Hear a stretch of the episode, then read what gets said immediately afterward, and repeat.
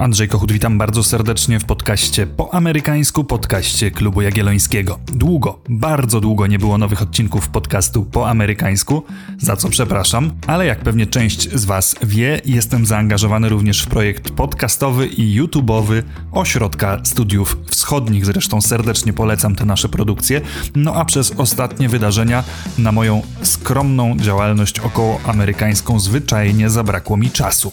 Ale to się zmieni. Wracam do regularnego publikowania odcinków, a dziś na przywitanie, po przerwie, odcinek o tym, co Amerykanie sądzą o wojnie na Ukrainie i dlaczego warto się tym zajmować. Zapraszam do słuchania.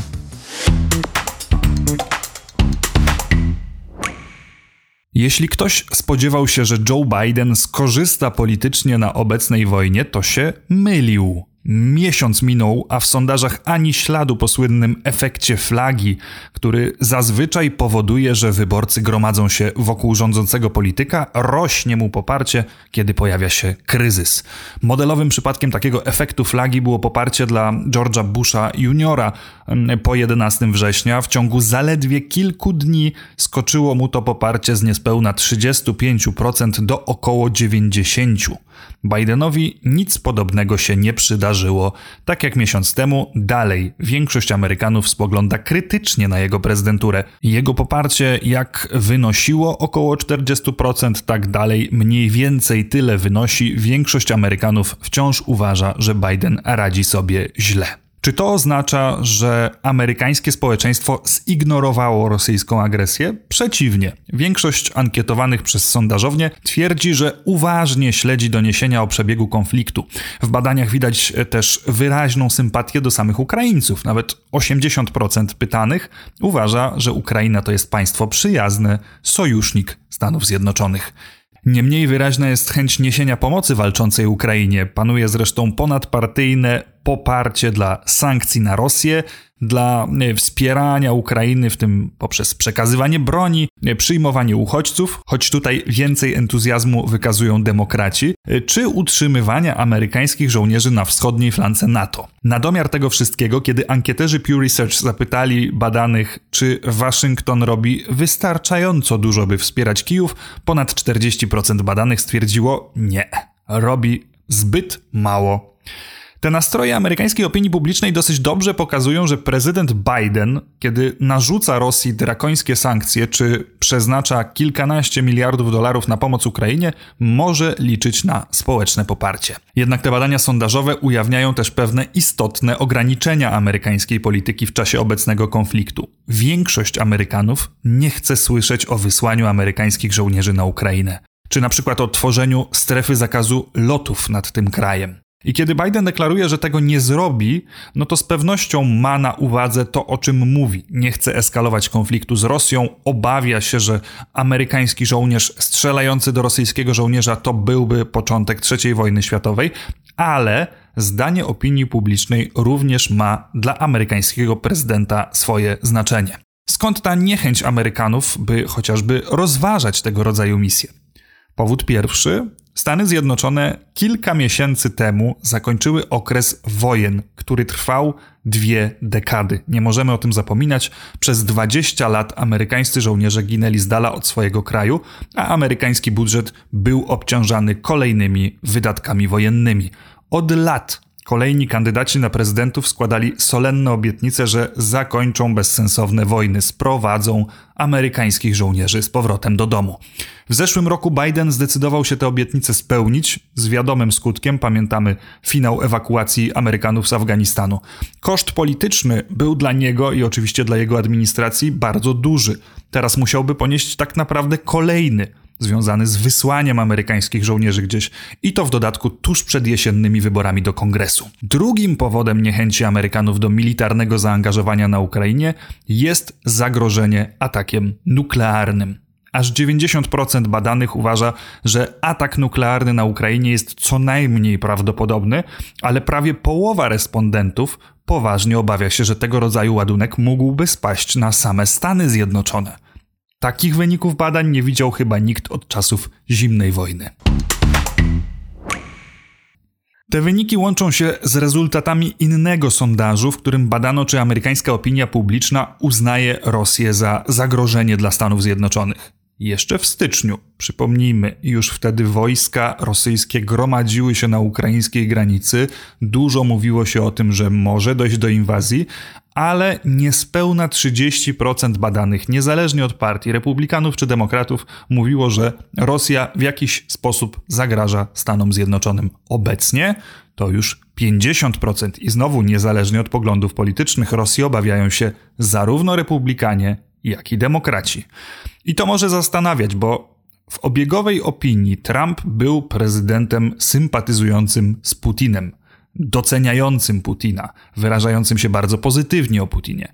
Z kolei wśród republikanów rozpowszechniły się postawy izolacjonistyczne. Tak to przynajmniej chce widzieć taki dosyć obiegowy powszechny pogląd na tę sprawę również w Europie.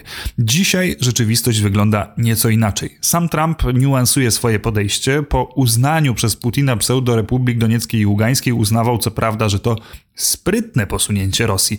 Teraz jednak mówi, że to co się dzieje na Ukrainie to zbrodnia przeciw ludzkości i jednocześnie twierdzi, że nigdy by do tego nie doszło, gdyby to on dalej był prezydentem, bo skutecznie odstraszyłby Putina od agresywnych działań.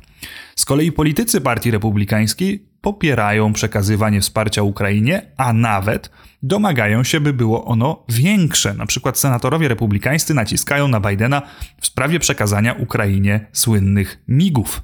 Podobnie republikańscy wyborcy w większości są za wspieraniem Ukrainy, a nawet są nieco bardziej bojowo nastawieni niż demokraci. Oczywiście nie wszyscy. Wśród prawicowych komentatorów nie brakuje takich, którzy raczej byliby skłonni tłumaczyć rosyjską agresję faktem rozszerzania się NATO na wschód, czyli dokładnie tak jak chciałby wytłumaczyć to sam Putin, a także tych, którzy jak senator Josh Hawley na przykład przekonują, że Stany Zjednoczone nie powinny się mieszać w ten konflikt, bo obecnie największym wyzwaniem są dla Waszyngtonu Chiny. Pojawiają się też zupełne odloty, jak podchwytywanie przez niektórych publicystów teorii serwowanych światu oczywiście przez kremlowską propagandę o tym, że na Ukrainie powstały tajne laboratoria, w których to przy współpracy Stanów Zjednoczonych miały powstawać nowe wirusy. To, co brzmiało jak kiepska próba e, sfabrykowania powodów do tej inwazji dla Rosji, zostało podchwycone w Stanach Zjednoczonych, no i na przykład taki Jack Posobiek przekonywał, że w te badania zaangażowany był syn prezydenta Bidena, a prowadzono je za pieniądze przekazywane przez administrację Obamy. To jest taka dość ciekawa ilustracja, jak rosyjska dezinformacja i amerykańska teoria spiskowa może się stopić w jedno. Takie postawy spoza politycznego mainstreamu można oczywiście zaobserwować również po drugiej stronie politycznego sporu. Progresywiści przekonują, że Stany Zjednoczone powinny trzymać się z dala od działań zbrojnych, a niektórzy przekonują nawet, że Stany Zjednoczone nie powinny przekazywać broni Ukrainie. Ilhan Omar, demokratka z Izby Reprezentantów, poszła nawet dalej. Stany Zjednoczone jej zdaniem nie powinny nakładać na Rosję takich sankcji, które uderzają w rosyjskie społeczeństwo. Celem powinien być wyłącznie Putin i oligarchowie, tak by nie cierpieli niewinni ludzie. Jednak wbrew tym skrajnym głosom, wciąż znakomita większość Amerykanów popiera twarde działania wobec Rosji i uważa, że Stany Zjednoczone powinny się angażować w pomoc Ukrainie. Pytanie jednak, czy taka postawa się utrzyma? I tu wracamy do innego pytania, które rozważaliśmy na początku. Czemu poparcie dla Bidena nie wzrosło? No właśnie. Czy tylko dlatego, że spora część elektoratu uważa, że powinien był zrobić coś więcej, a zachęcają go do tego kongresowi politycy nie tylko opozycyjni, ale również przedstawiciele jego własnej partii? No właśnie, nie tylko dlatego. Mówiłem już nieraz o tym, że pierwotny entuzjazm wobec Bidena, te wysokie poparcie, którym cieszył się bezpośrednio po wyborach, wyparowało z wielu powodów. Pandemia się przedłużyła, wyjście z Afganistanu poszło źle. Reformatorskie plany prezydenta ugrzęzły w sporach i to w sporach wewnątrz jego własnej partii. Wzrosła nielegalna imigracja, ale przede wszystkim sytuacja gospodarcza okazała się trudna. Stany Zjednoczone zmagają się z inflacją na poziomie niewidzianym od lat 80. Po raz pierwszy od kilku lat wzrosły stopy procentowe, na razie nieznacznie, ale będą rosły dalej. Benzyna jest rekordowo droga, a to wcale nie jest koniec kłopotów. Na kryzys spowodowany pandemią COVID i zamknięciem gospodarki właśnie nakłada się kolejny, wynikający z wojny i z sankcji wymierzonych w Rosję. W tym kontekście dla prezydenta niepokojące są zwłaszcza dwa badania sondażowe. W pierwszym Cyklicznie pyta się respondentów, jak oceniają poczynania prezydenta w poszczególnych obszarach, i jeszcze rok temu 52% pytanych uznawało, że Biden radzi sobie z wyzwaniami gospodarczymi. Dziś to jest ledwie 33%. W drugim badaniu zapytano, kto ponosi winę za inflację i za drożyznę. No i w tej niechlubnej kategorii wygrywa administracja prezydenta przed pazernymi korporacjami i pandemią. A nie można zapominać o słynnej frazie wymyślonej przez Jamesa Kervilla na potrzeby kampanii prezydenckiej Billa Clintona. It's the economy, stupid. Nawet gdyby Biden fenomenalnie poradził sobie z wojną w Europie, czego jeszcze nie wiemy, to kluczowy dla jego perspektyw wyborczych, jego i Partii Demokratycznej, będzie stan amerykańskiej gospodarki. A tę gospodarkę czekają raczej trudne czasy. Problemy gospodarcze to był jeden z najważniejszych czynników składających się na sukces wyborczy Donalda Trumpa w 2016 roku. Do następnych wyborów prezydenckich, tych w 2024, najprawdopodobniej Stany Zjednoczone będą już w pełni odczuwać skutki kolejnych wielkich turbulencji gospodarczych. Tych związanych z COVID-em, z zamknięciem gospodarki i tych związanych z wojną, z sankcjami, z zaangażowaniem Stanów Zjednoczonych w Europie. I nie jest wykluczone, że na takim gruncie wzrośnie poparcie albo dla Donalda Trumpa, albo dla kogoś podobnego, kto będzie w stanie przejąć władzę. Czy wraz z taką potencjalną zmianą polityczną nie wzmocnią się również głosy tych, którzy Europę chcieliby zostawić Europejczykom, skupić się na Chinach, może bardziej na własnych problemach gospodarczych, nie jest to wykluczone. I dlatego również z naszej perspektywy ważne jest obserwowanie nastrojów i preferencji politycznych w amerykańskim społeczeństwie w najbliższych miesiącach i w najbliższych latach.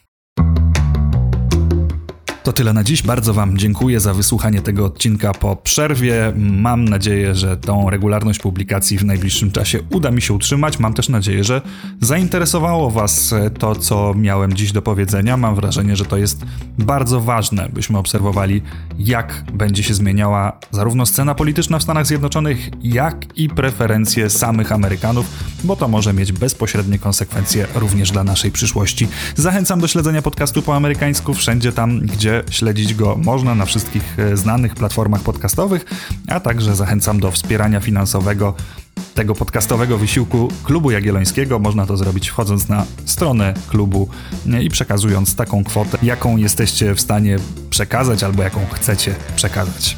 Do usłyszenia.